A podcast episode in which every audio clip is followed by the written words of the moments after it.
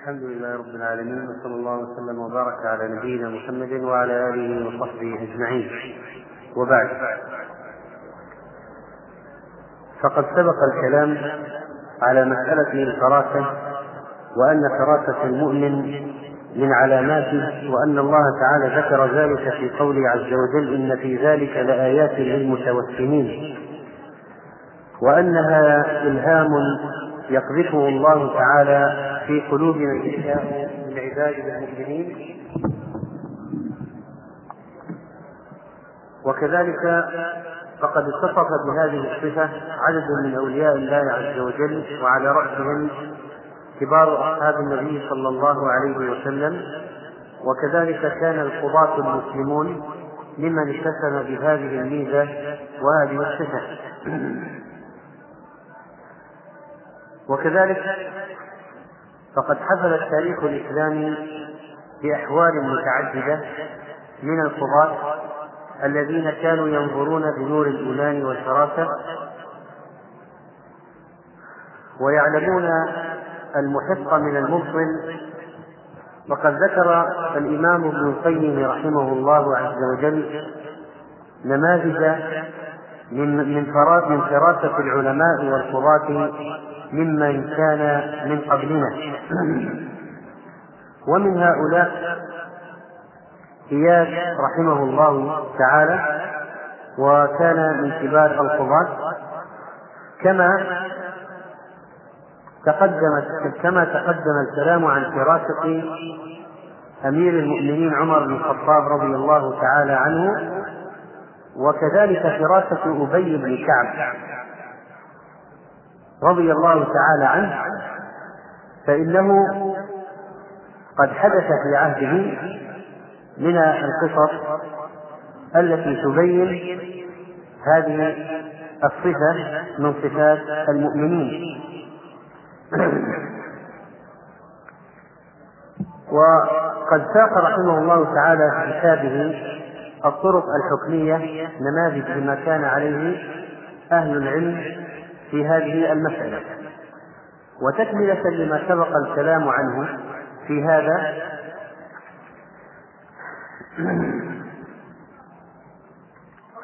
أنه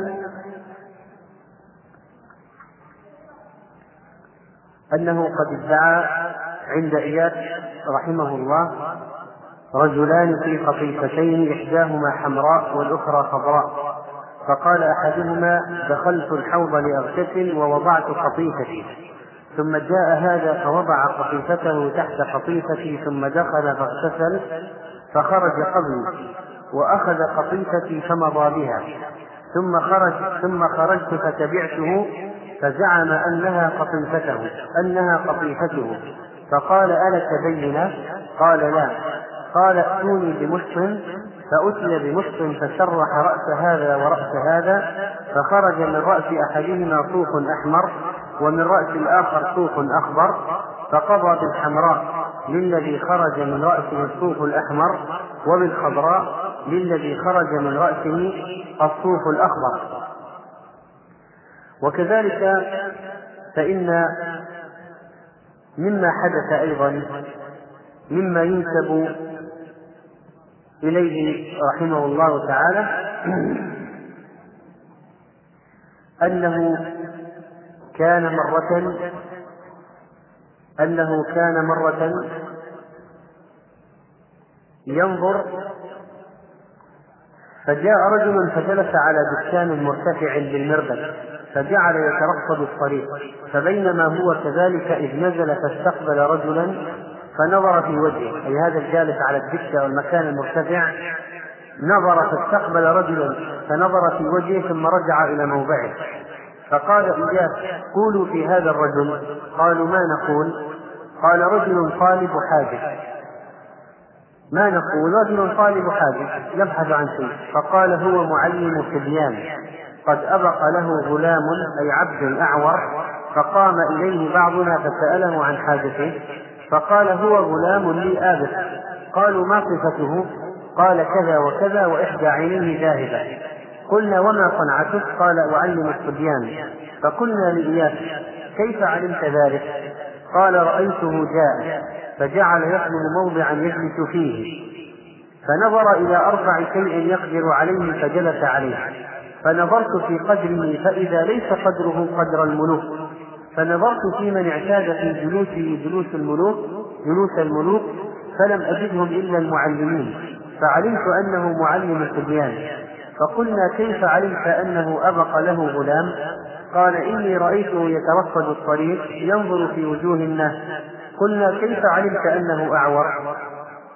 قال بينما هو كذلك إذ نزل فاستقبل رجلا قد ذهبت إحدى عينيه فعلمت أنه اشتبه عليه بغلامه.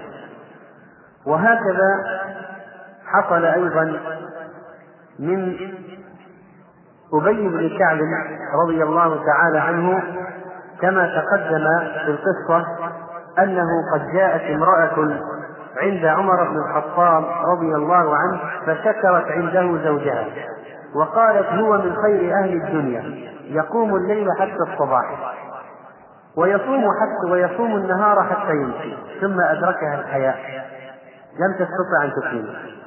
فقال جزاك الله خيرا فقد أحسنت الثناء فلما ولت قال كعب قال كعب يا أمير المؤمنين لقد أبلغت لقد أبلغت الشكوى إليك. فقال وما اشتكت؟ قال زوجها. إن هذا الكلام هو شكوى لزوجها. أنها أنها أثنت عليه أثنت عليه ثم فقال هذه شكوى قال علي بهما. فقال لكعب بن ثور اقضي بينهما. قال أقضي وأنت شاهد. قال قال أقضي وأنت شاهد. قال إنك قد فطنت إلى ما لم أفطن له. قال إن الله تعالى يقول فانكحوا ما طاب لكم من النساء مثنى وثلاث ورباع. صم ثلاثة أيام وأفطر عندها يوما وقم ثلاث ليال وبت عندها ليلة. فقال عمر هذا أعجب إلي من الأول فبعثه قاضيا لأهل البصرة فكان يقع له في الحكومة من الفراسة أمور عجيبة. أي الحكم بين الناس يقع له في أمور عجيبة. فهذا الرجل فهم من كثرة ثناء المرأة على زوجها ثم سكوتها أنها تشتكي زوجها.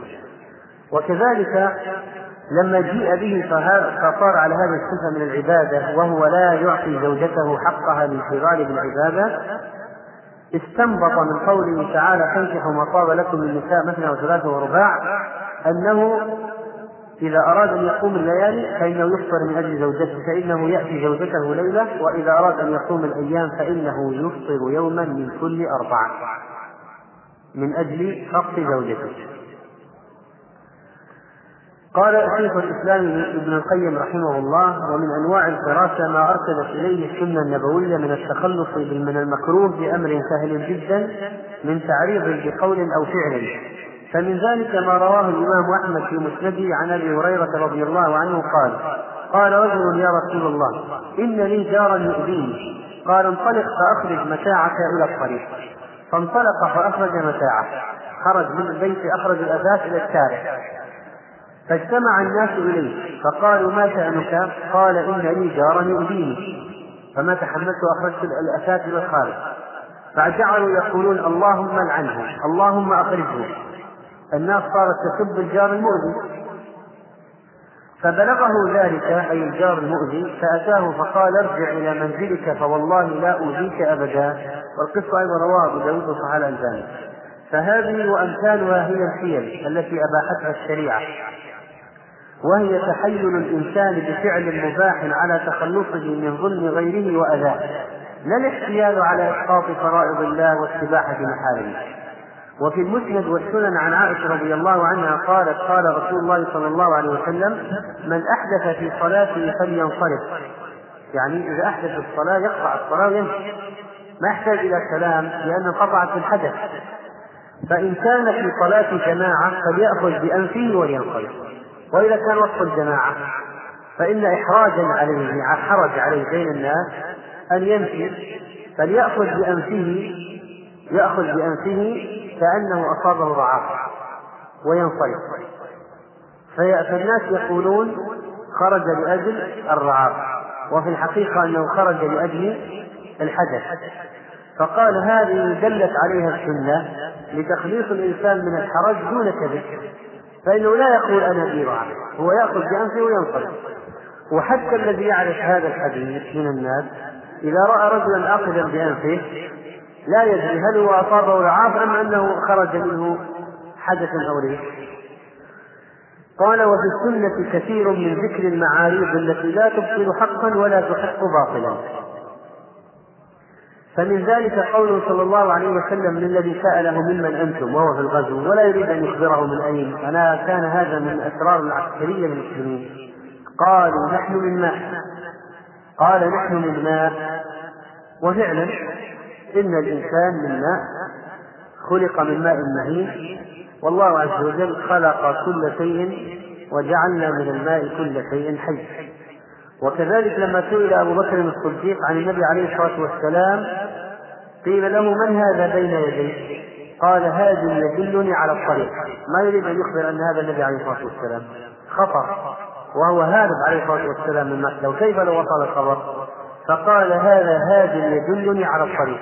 وفعلا النبي عليه الصلاة والسلام هاد يدل على طريق الإسلام والحق. وكذلك الصحابة من بعده.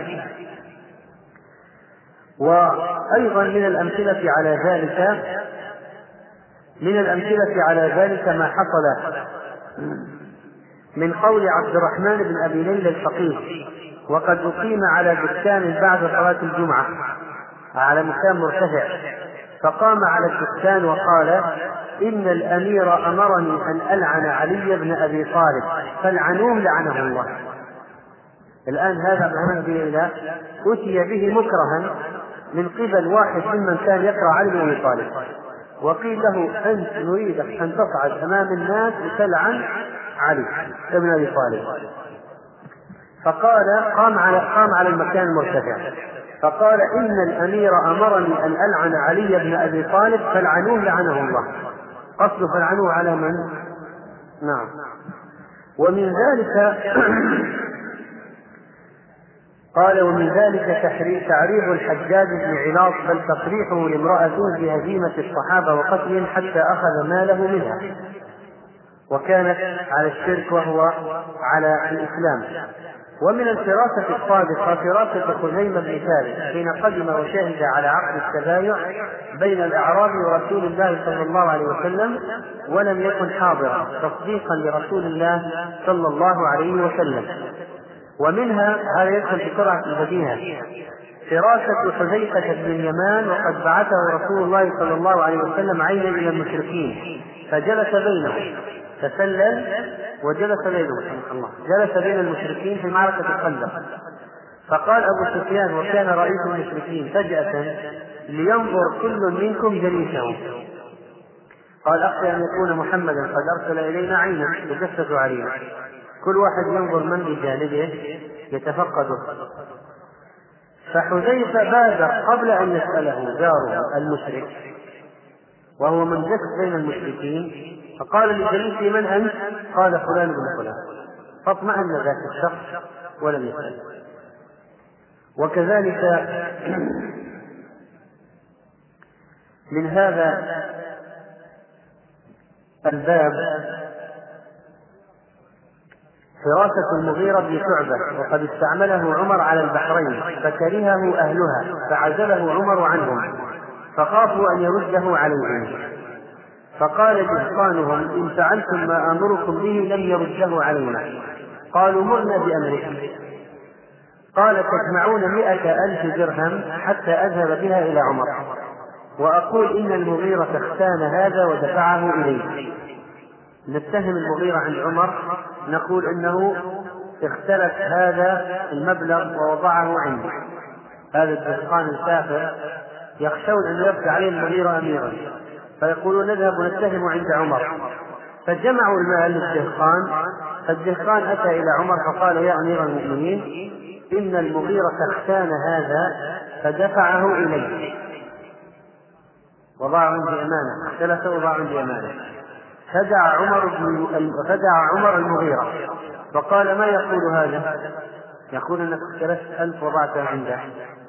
قال كذب أصلحك الله. إنما كانت مئتي ألف. ما هي مئتين قال ما حملك على ذلك؟ عمر يقول المغيرة. قال العيال والحاجة. فقال عمر بن الدهقان ما تقول؟ يعني معناه قال هذا أنه مختلف أيضا مئة. فقال لا والله لأصدقنه. والله ما دفع إلي قليلا ولا كثيرا. ولكن كرهناه وخشينا أن ترده علينا. فقال عمر بن المغيرة ما حملك على هذا؟ يعني على هذا الكذبة قال إن الخبيث كذب علي فأردت أن أخزيه. فأردت أن أخزيه. وكذلك وكذلك من هذا من قبيل من هذا أيضا ما حصل. قال ومن أحسن الفراسة قال وعن قال ومن أحسن الفراسة فراسة عبد الملك بن مروان لما بعث الشعبية إلى ملك الروم. فحسد المسلمين عليه. ملك الروم لما رأى نجابة الشعب وذكاءه وفطنته وعلمه حسد المسلمين عليه. وأراد أن يدبر له مكيدة لعله يقتل أو يحبس. فبعث معه ورقة لطيفة إلى عبد الملك رسالة. فلما قرأها أي عبد الملك الخليفة قال للشعبي أتدري ما فيها؟ قال فيها قال فيها النص الرسالة عجب كيف ملكت العرب غير هذا؟ كيف ملكت العرب غير هذا؟ يقول ملك في الرسالة عجيب العرب كيف يملكون شخص غير هذا الشعبي؟ يقول عبد الملك بن مروان أفتدري ما أراد؟ قال لا قال حسدني عليك فأراد أن أني أقتلك أني أقتلك. قال الشعبي لو رآني لو رآك يا أمير المؤمنين ما استكبرني. فبلغ ذلك ملك الروم فقال والله ما أخطأ ما كان في نفسه ومن دقيق الفطنة ومن دقيق الفراسة أن المنصور جاءه رجل فأخبره أنه خرج في تجارة فكسب مالا فدفعه إلى امرأته ثم طلبه منها فذكرت أنه سرق من البيت. ولم ير نقبا ولا أمارة. الجدران سليمة ولا ولا علامة على على أي اقتحام على أي اقتحام للبيت أو سرقة فقال المنصور منذ كم تزوجتها؟ قال منذ سنة. قال بكرا أو سيدا؟ قال سيدا يعني كانت عند زوج من قبل والزواج ما صار له سنة. كانت عند زوج من قبل. فوقع في نفسه احتمال أن تكون متعلقة برجل من قبل. قال فلها ولد من غيرك؟ قال لا. فدعا المنصور بقارورة طيب كان يتخذ له حاد الرائحة غريب النوع لا يوجد له مثيل فدفعها إليه وقال له تطيب من هذا الطيب فإنه يذهب غمه فلما خرج الرجل من عنده قال المنصور لأربعة من ثقاته ليقعد على كل باب من أبواب المدينة واحد منكم. فمن شم منكم رائحة هذا الطيب من أحد فليأتي به. وخرج الرجل بالطيب فدفعه إلى امرأته فلما شمته بعثت به إلى رجل كانت تحبه. وقد كانت دفعت دفعت إليه المال. سرقت من وأعطت الرجل. والآن أعطته الطيب. فتطيب منه ذلك الرجل. ومر مجتازا ببعض أبواب المدينة فشم الموكل بالباب رائحته عليه فأتى به المنصور فسأله من أين لك هذا الطيب؟ فلجلج في كلامه. فدفعه إلى والي الشرطة وقال إن أحضر لك كذا وكذا من المال فخل عنه وإلا اضربه ألف صوت فلما جرد بالضرب أحضر المال على هيئته فدعا المنصور صاحب المال.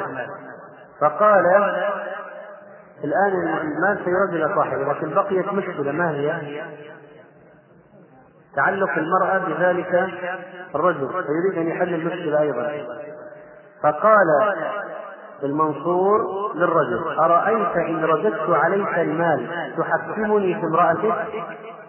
تقبل حكمي فيها؟ قال نعم. قال هذا مالك وقد طلقت المرأة لك. لأجل أن الإنسان سعة مجال للآخر في الحلال أن يعود إليها. والرجل صاحب المال راضي بهذا. ومن أيضا مما يدخل في البديهة أو سرعة البديهة وهي جزء من أجزاء الفراسة أو نوع منها أن شريكا وهو قاضي عالم فاضل دخل على المهدي. فقال للخادم الآن المهدي خليفة أمام واحد من عظماء المسلمين علمائهم كبار. قال هات عودا للقاضي يعني البخور فجاء الخادم بعود يضرب به. الخادم طلع غبي وأتى بعود معزف مما يعزف به. فوضعه في حجر الشريف فصارت الآن الورقة الكبيرة للمهدي الخليل. أن هذا العالم الجليل يأتي للعود يوضع في حجره. فقال شريف ما هذا؟ فبادر المهدي حضرته البديهة فقال هذا عود أخذه صاحب العسل البارح. الذي يأمر معروف عن المنكر العسل.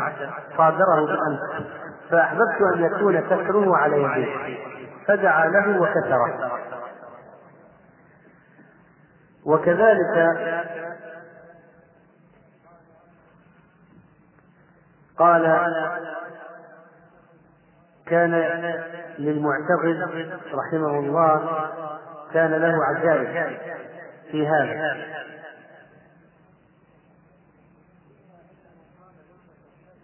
منها أنه قام ليلة فإذا غلام قد وثب على ظهر غلام فاندس بين الغلمان فلم يعرفه. فجاء فجعل يضع يده على فؤاد واحد بعد واحد فيجده ساكنا حتى وضع يده على فؤاد ذلك الغلام فإذا به يخطف خطا شديدا فركضه برجله واستقره فأقر فقتله يعني على فعل الفاحش. وكذلك رجع إليه أن صيادا ألقى شبكته في دجلة فوقع فيها جراب فيه كف مقبوبة بحناء كف مقطوعة يد وأحضر بين يديه فهاله ذلك. وأمر الصياد أن يعاود طرح الشبكة هناك ففعل فأخرج جرابا آخر فيه آخر فيه رجل صارت كف ورجل. فاغتم المعتضد. وقال معي في البلد من يفعل هذا ولا أعرف ولا أعرفه ثم أحضر ثقة له وأعطاه الجراب وقال خذ به على كل من يعمل الجرب ببغداد فإن عرفه أحد منهم فاسأله عمن باعه منه. فإذا دلك عليه فاسأل المشتري عن ذلك ونفسه عن خبره فغاب الرجل ثلاثة أيام ثم عاد فقال ما زلت أسأل عن خبره حتى انتهى إلى فلان الهاشمي اشتراه مع عشرة جوارب وشكى البائع شره وفساده. ومن جملة ما قال إنه كان يعشق فلانا المغني فلانة المغنية وأنه غيبها فلا يعرف لها خبر وادعى أنه أنها هربت والجيران يقولون إنه قتلها فبعث المعتضد من كبس منزل الهاشمي وأحضره وأحضر اليد والرجل وأراه إياهما فلما رآهما انتقع لونه وأيقن بالهلاك واعترف. ثم بعد ذلك أنفذ فيه الحكم. وكذلك قال من محاسن الفراسة من محاسن الفراسة في تحسين اللفظ باب عظيم. له شواهد كثيرة في السنة وهو من خاصية العقل والفطنة. فقد روينا عن عمر رضي الله عنه أنه خرج يعش المدينة بالليل فرأى نارا موقدة في حباء فوقف وقال يا أهل الضوء يراد يريد أن يناديهم وهم بالخيمة قد أوقدوا نارا. فقال يا أهل الضوء وكره أن يقول يا أهل النار. مع أنه أوقدوا نار لكن لكي, لكي لا يسميهم بأهل النار لأنه اسم قبيح. فقال يا أهل الضوء وكذلك سئل العباس أنت أكبر أم رسول الله صلى الله عليه وسلم؟ فقال هو أكبر مني وأنا ولدت قبله. هو أكبر مني وأنا ولدت قبله. وكذلك فإن الله سبحانه وتعالى قال للمؤمنين وكل عبادي يقول التي هي أحسن إن الشيطان ينزغ بينهم. فينتقي الإنسان الكلمة الطيبة ولا يقول الكلمة الخبيثة حفاظا على مشاعر أخيه المسلم. وكذلك من عجيب الفراسة ما ذكر عن أحمد بن طولون أنه رأى مرة يوما حمالا يحمل طنا وهو يضطرب تحته. فقال لو كان هذا الاضطراب من ثقل المحمول لغاصت عنق الحمال وأنا أرى عنقه باردة وما أرى هذا الأمر إلا من خوف. واحد حمال يحمل خفة ويضطرب. وليس وعنقه ليست ليست بداخلة من الثقل. فأمر بحط الصن فإذا فيه جارية قد قتلت وقطعت. فقالت دقني عن حالها. قال أربعة نفر في الدار الفلانية أعطوني هذه الدنانير وأمروني بحمل هذه المقتولة فضربه وقتل الأربعة. وكان يتنكر ويطوف بالبلد. يسمع قراءة الأئمة فدعا ثقته وقال خذ هذه هذه الدنانير وأعطها إمام مسجد كذا فإنه فقير مشغول القلب. ففعل هذا الرجل. ثم جلس مع الإمام هذا وباسطه فوجد زوجته قد ضربها الطلق وليس معه ما يحتاج إليه يعني من المال. فقال فالآن تنبه فعرف أن فطنة الخليفة ولكن كيف اكتشف أنه محتاج؟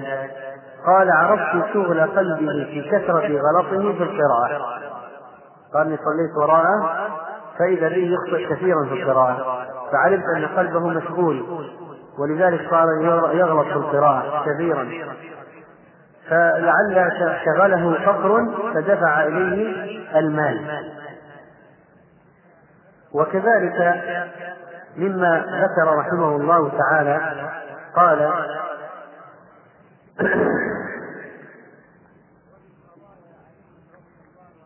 ومن قضايا علي رضي الله عنه أنه أتي برجل وجد في خلبة بيده سكين متلطخة بدم وبين يديه قتيل يتسحط في دمه فسأله فقال أنا قتلته قال اذهبوا به فاقتلوه. فلما ذهب به أقبل رجل مسرعا فقال يا قوم لا تعجلوا ردوه إلى علي فردوه. فقال الرجل يا أمير المؤمنين ما هذا صاحبه أنا قتلته. فقال علي للأول ما حملك على أن قلت أنا قاتله ولم تقتله؟ قال يا أمير المؤمنين وما أستطيع أن أصنع. وقد وقف العسس على الرجل يتشحط في دمه وأنا واقف وفي يدي سكين وفيها أثر الدم. وقد أخذت في خربة فخفت أن لا يقبل مني فاعترفت بما لم أصنع واحتسبت نفسي عند الله قال علي بئس ما صنعت فكيف كان حديثك؟ كيف أدى بك الحال إلى هذا الموضع؟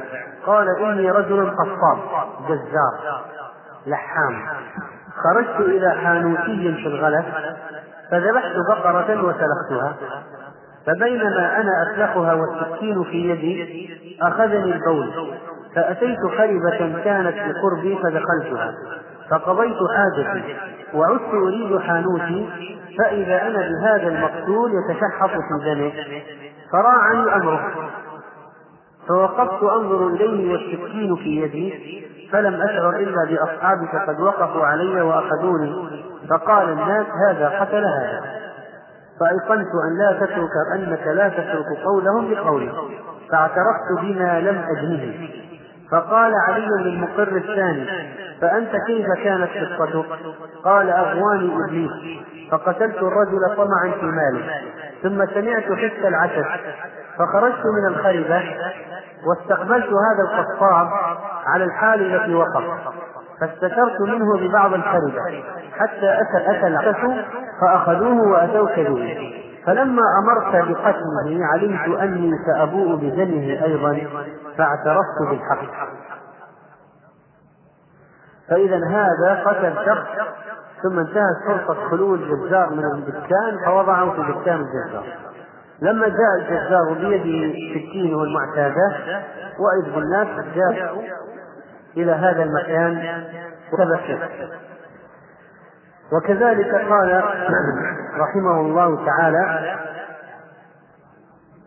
قال وعن علقمة بن وائل عن أبيه أن امرأة وقع عليها رجل في سواد الصبح وهي تعمد إلى المسجد بمكروه على نفسها فاستغاثت برجل مر عليها وفر صاحبه الفاعل فر وهذا المستغاث به صار هو في المشهد فمر ناس فاستغاثت بهم فأدركوا الرجل الذي كانت استغاثت به فأخذوه وسبقهم الآخر وهرب فجاءوا بهذا المستغاث به يقودونه فقال أنا الذي أغثتك وقد ذهب الآخر.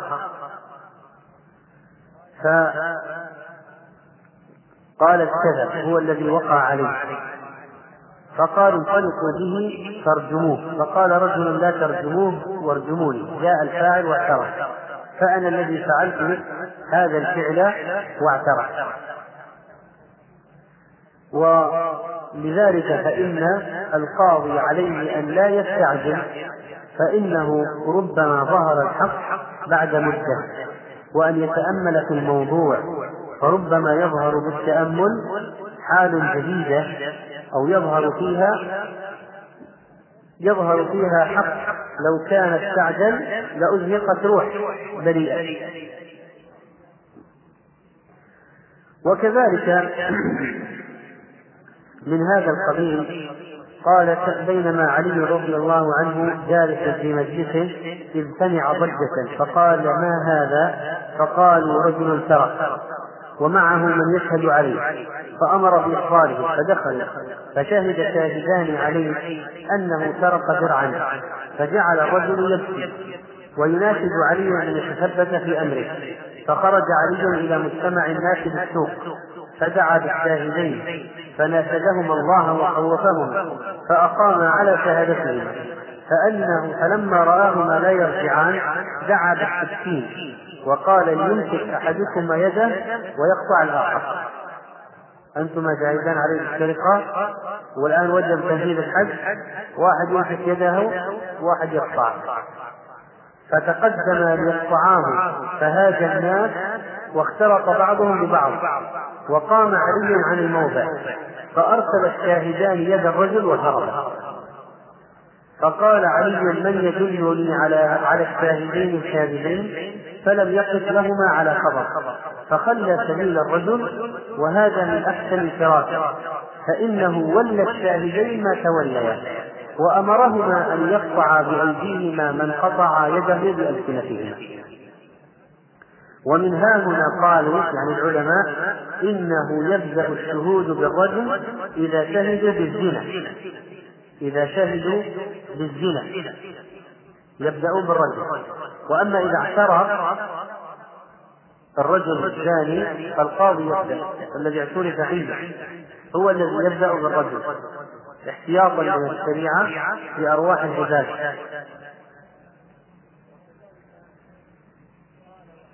وكذلك قال وحكم الفراسة على ذلك من الكتاب والسنة وعمل سلف الأمة. قال الله تعالى تعرفهم بسيماهم وأن الأخذ بالسيمة والعلامة معتمد شرعا. قال حتى إذا رأينا ميتا في دار الإسلام وعليه جنار وهذا لباس أهل الجنة من النصارى وهو غير محسون ماذا نحكم؟ إنه نصراني. لا يدفن في مقابر المسلمين. ويقدم ذلك على حكم الدار في قول أكثر العلماء. لأن النصارى كثير منهم لا يحتكمون وقال وقال الله تعالى وجاءوا على قميصه بدم كذب. قال عبد المنعم ابن الفرس روي أن إخوة يوسف لما أتوا بقميص يوسف إلى أبيهم يعقوب تأمله. فلم ير فيه خرقا ولا أثر ناد من نياب الجبل المزعوم. فاستدل بذلك على كذبهم وقال لهم متى كان الذئب حليما يأكل يوسف ولا يخرق قميصه؟ وأنا ذكر الذئب بهذه النباهة بهذا أنه يزيل القميص من يوسف يخلع قميصه ثم يأكله. وليس في القميص أثر أنياب ولا شقوق. فلما أرادوا أن يجعلوا الدم علامة صدقهم قرن الله تعالى بهذه العلامة علامة تعارضها وهي سلامة القميص من التنزيل. إذ لا يمكن افتراس الذئب ليوسف وهو لابس القميص ويسلم القميص. واجمعوا على أن يعقوب استدل على كذبهم بصحة القميص. وقال وقال وقال وجاءوا على قميص بدم كذب قال بل سولت بل سولت لكم أنفسكم أمرا. فيعقوب جزم بل سولت لكم أنفسكم أمرا. بأي شيء؟ في العلامات.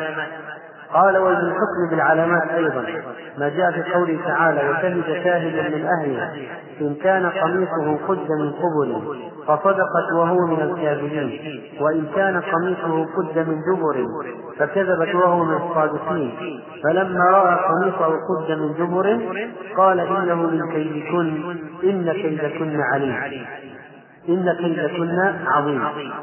فهذه أمارات قد حكم بها وعرف بها البريء من الظالم وكانت دليلا على براءة يوسف عليه السلام. والذي تكلم على الراجح هو رجل كبير ذو لحية كما جاء عن ابن عباس رضي الله تعالى عنه. أما كونه صغيرا قد تكلم في المهد فلم يثبت هذا عن النبي عليه الصلاة والسلام وإنما الذي شهد شاهد من أهلها رجل كبير ذو لحية كان عنده عقل وتمييز وفراسة فأمر بأن يعمل بهذه العلامة. وألهمه الله ذلك ليقوله فيبرأ يوسف عليه السلام. وكذلك فإن هناك علاقة بين القيافة والفراسة والقيافة وهي العلامات التي يعرف بها القائد في الشخص من أبيه عندما يتفرس في خلقتهما. ولما لعن النبي صلى الله عليه وسلم بين عويمر العجلاني وامرأته وكانت حاملا قال إن عليه الصلاة والسلام إن جاءت به أحمر قصيرا كأنه وحرة فلا أراها إلا قد صدقت وكذب عليه لما رمى هذه الكلمة وإن جاءت به أسود أعين ذا اليتين فلا أراه إلا قد صدق عليه. فجاءت به على المكروه من ذلك يعني أنها فعلا قد فعلت الفاحشة وأن زوجها صادق فيما رماها به من الزنا. وجاء في بعض روايات البخاري كان ذلك الرجل مصفرا قليل اللحم سبط الشعر وكان الذي ادعى عليه أنه وجده عند أهله خدلج الآدم كثير اللحم جعدا قططا. فقال النبي صلى الله عليه وسلم اللهم بين دعا الله يبين فجاءت به شبيها بالرجل الذي ذكر زوجها أنه وجده عند اهله جاءت به على النحو المكروه. والوحرة دويبة حمراء تلصق بالأرض. والأعين واسع العينين. والآدم شديد الأدمة وهي سمرة بحمرة. والخدم كثير لحم الساقين. والقطط شديد جعودة الشعر. فهذا يعمل به ولما جاءت امرأة النبي صلى الله عليه وسلم تسأل أو تجد المرأة ما يجد الرجل؟ يعني من الإنزال والغسل عليها فقال لا عليه السلام تربت يداك ومن أين يكون الشبه؟ يعني أن مني المرأة ومني الرجل يحدث شبها في الولد الأبوين. فيأتي في الخلقة والأعضاء والمحاسن ما يدل على الإنسان. ويعرف من الشكل أن هذا مثلا ولد يكون يشبهه فهو منه. فهو منه. هذا من القرائن ومن العلامات. وقد جاء في صحيح مسلم عن عائشة رضي الله عنها قالت دخل علي رسول الله صلى الله عليه وسلم ذات يوم مسرورا. فقال يا عائشة ألم تري أن مجددا المدلجي المدلجي دخل علي فرأى أسامة وزيدا أسامة وزيدا وعليهما قطيفة. قد غطيا رؤوسهما وبدت أقدامهما فقال إلى هذه الأقدام بعضها من بعض. وسبق الكلام على أن بعض المنافقين اتهموا آه، طعنوا في نسب أسامة من أبيه زيد لأن أسامة كان أسود وزيد كان أبيض والنبي عليه الصلاة والسلام كان يحبهما جدا فطعن فطعنوا في نسب هذا من هذا فجاء هذا الرجل شهد من تلقاء نفسه وكان خبيرا بالسياسة لما نظر إلى الأرجل الخارجة من تحت الغطاء قال إن هذه الأقدام بعضها من بعض. وكذلك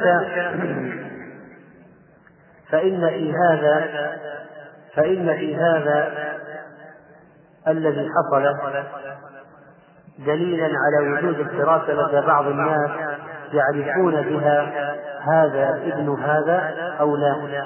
ولذلك يكون هناك يكون هناك طريقة لإثبات النسب عند ادعاء الابن من أكثر من شخص. إذا اختلفوا وليس ثم بينة. وما العلاقة بين الفراسة وتأويل الرؤى؟ هناك علاقة كبيرة بين هذا وهذا.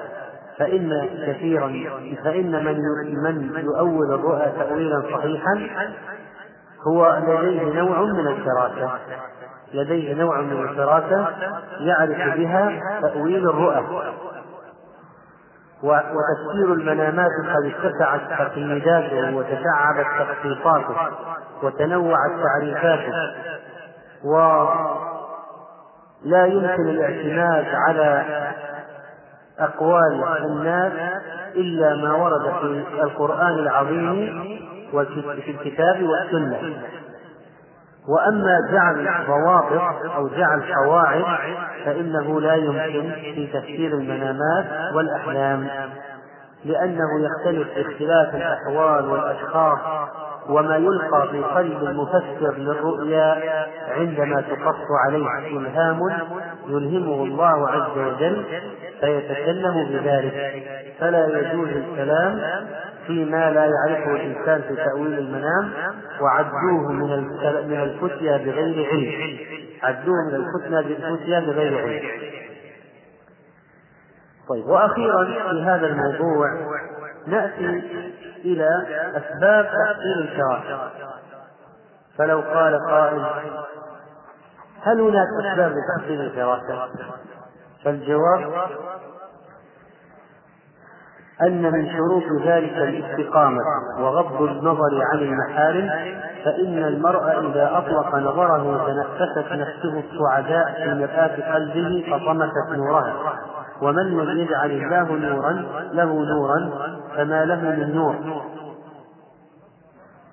وقال بعض السلف من غض بصره عن المحارم وكف نفسه عن الشهوات وعمر باطنه بالمراقبة وتعود أكل الحلال لم تخطئ فراسته فإذا إذا أراد الإنسان يكون له فراسة ونظر صائب في الأمور ويكتفي في المحسن المبطل ويعثر على الحق يتبين إذا اختلطت الأشياء وتشابهت فإن عليه أن يقوم بهذه الأشياء وهي غض البصر عن المحرمات وكف النفس عن الشهوات وتعود أكل الحلال وأن يكون مراقبا لله عز وجل.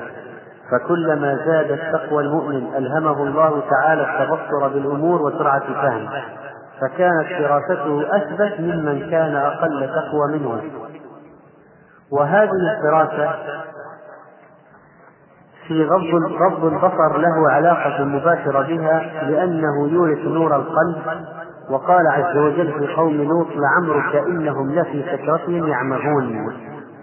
فهذا التعلق بالصور المحرمة يعني البصيرة.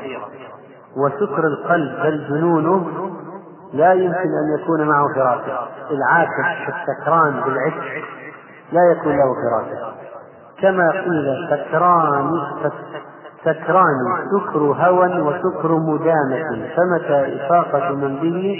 سكران. وقيل جننت بمن تهوى فقلت لهم العشق أعظم مما بالمجانين يعني العشق أعظم من الجنون العشق لا يستفيق الدهر صاحبه وإنما يصرع المجنون في الحين. وكان شاهد شجاع الكرماني لا تخطئ له فراسة وكان يقول من عمر ظاهره باتباع السنة وباطنه بدوام المراقبة يعني لله وغض بصره عن المحارم وكف نفسه عن الشهوات وذكر خصلة خامسة إنما هو أكل الحلال لم تخطئ له فراسة فهذا غض البصر يعود الله تعالى صاحبه بإطلاق نور بصيرته. لما كف بصره عن حرام يطلق الله تعالى له نور البصيرة. ويفتح عليه باب العلم والمعرفة فيظهر يظهر عليه من الفراسة ما الله به عليم. هذه بعض ما يورث الفراسة وهذا موضوع جدير بالاهتمام وهو وله علاقة مباشرة بالإيمان وهو مذكور في القرآن في قوله تعالى إن في ذلك لآيات للمتوسمين ويلزم أن يكون من صفات كل من يحكمون بين العباد. نسأل الله عز وجل أن ينور